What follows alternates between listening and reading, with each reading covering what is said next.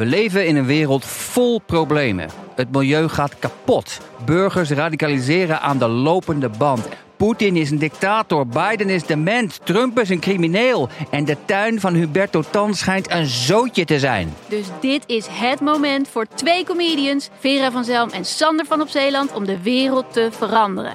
Alles moet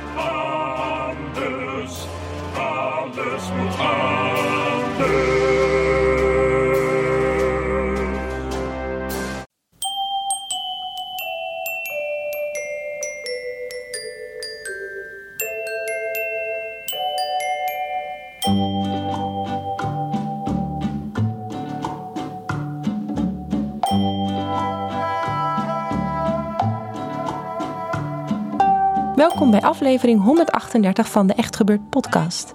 In deze podcast worden waargebeurde verhalen verteld door de mensen die het zelf hebben meegemaakt. In deze aflevering een verhaal van Jochem van Staalduinen. Het thema van de middag was My Funny Valentine.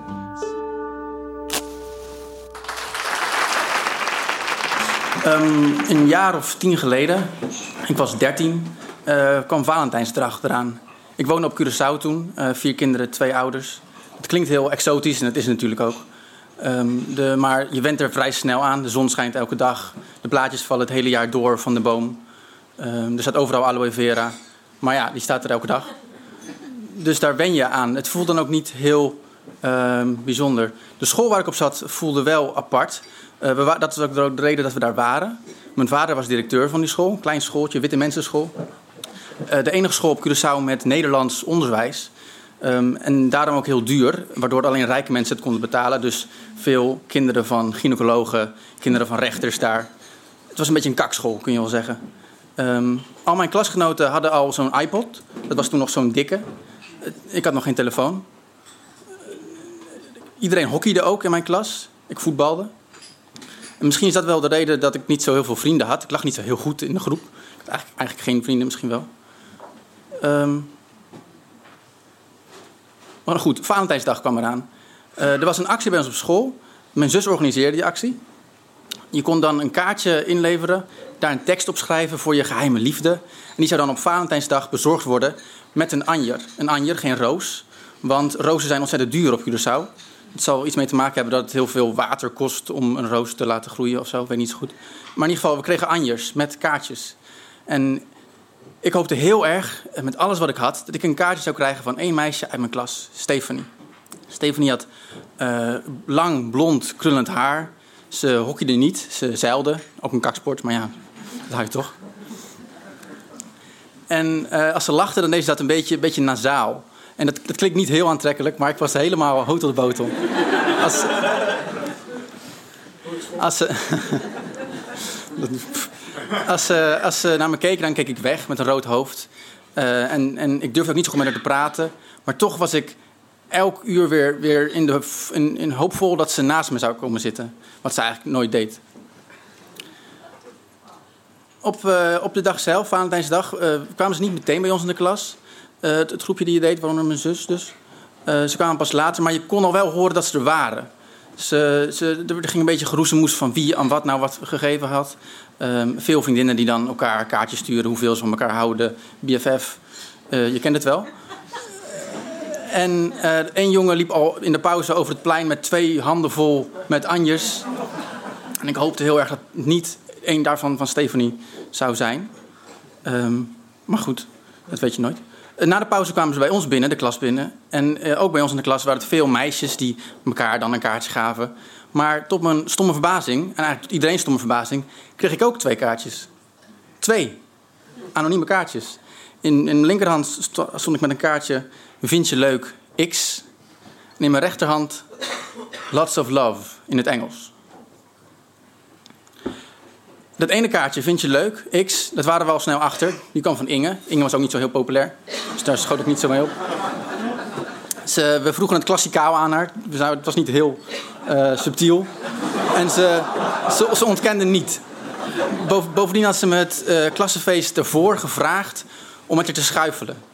Dus er viel weinig meer te ontkennen. Het andere kaartje, dat wisten we niet van wie het was. En dat was eigenlijk ook wel spannend. Ik had nog even naar Stephanie gekeken of ze het of zij terugkeek, maar ik had daar geen bevestiging gevonden van wat ik hoopte. Ehm, maar dat was jammer, maar het deed me ook niet heel veel, want ik had een anoniem kaartje. Ik had er zelfs twee. Eh, en de rest van, van die dag eh, ben ik door de school gaan lopen met, een, met mijn, mijn borst vooruit en eh, een nieuw zelfvertrouwen. Mensen vroegen ook allemaal aan me: ja, van, wie, van wie zijn die kaartjes, Jochem? En ik zei: die ene die is van Inge, en die andere, dat weet ik niet. En, en, en, dat, dat ging heel goed die dag. En zelfs ging dat door toen ik, tot ik thuis was en we aan het avondeten zaten thuis. Ik was inmiddels een beetje aan het opscheppen geslagen. Ik zei: eh Het ene kaartje, die is van Inge. En het andere kaartje, kan wel van iedereen zijn. En ze reageerde een beetje schaapachtig thuis, niet heel, heel fel of zo. En dat, dat was een beetje gek, maar ook weer niet, want ik snapte het ook wel weer. Want hoe vaak zie je nou iemand die twee Valentijnskaartjes heeft gekregen? Ehm, na het eten nam mijn broertje van 12, iets jonger, me apart. Hij, zei, wenkte, kom eens mee. En we liepen naar de poort. En een beetje plomp, een beetje ineens, zei hij tegen me... Dat tweede kaartje, Jochem, dat komt van mama. zij, zij was bang dat iedereen in jouw klas elkaar dan kaartjes zou gaan sturen... en dat jij dan niet zou krijgen.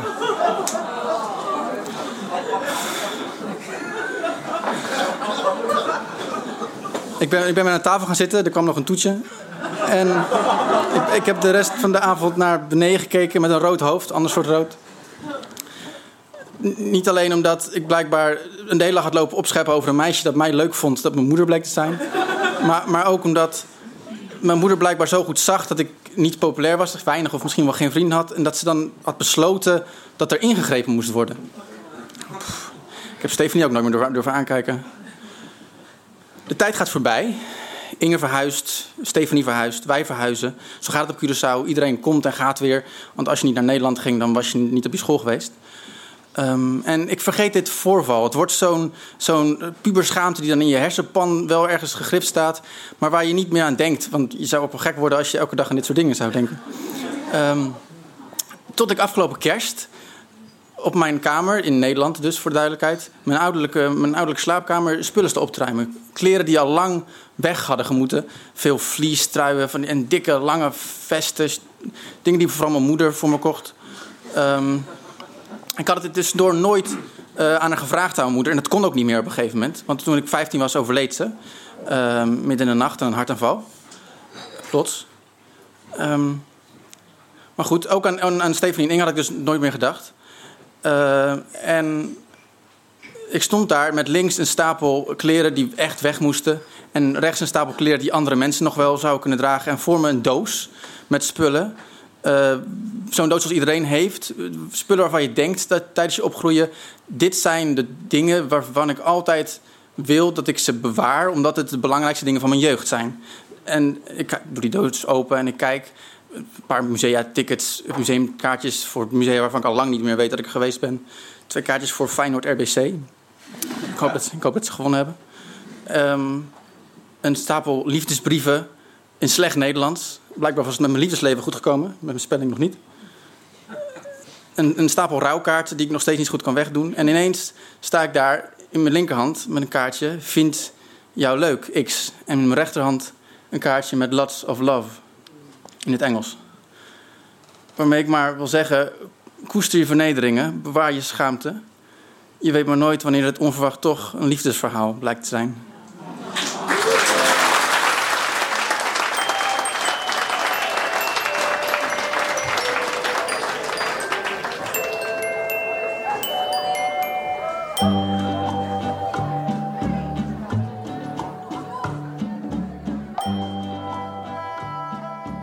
Dat was het verhaal van Jochem van Staalduinen.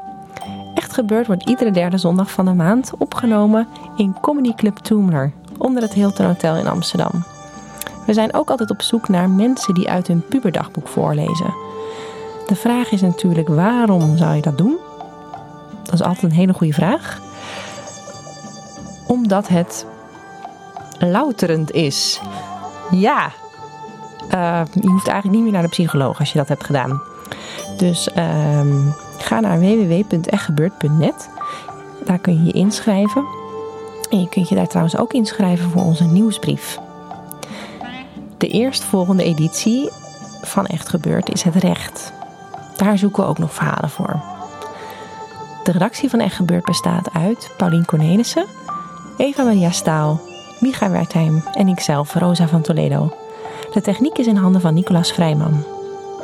Bedankt voor het luisteren en vergeet niet... Mocht de hunk of beep van de school met armen vol anjers of rozen lopen en je bent stik jaloers, bedenk dan dat er vast een hele lieve moeder heel hard haar best heeft gedaan. Dag, dag.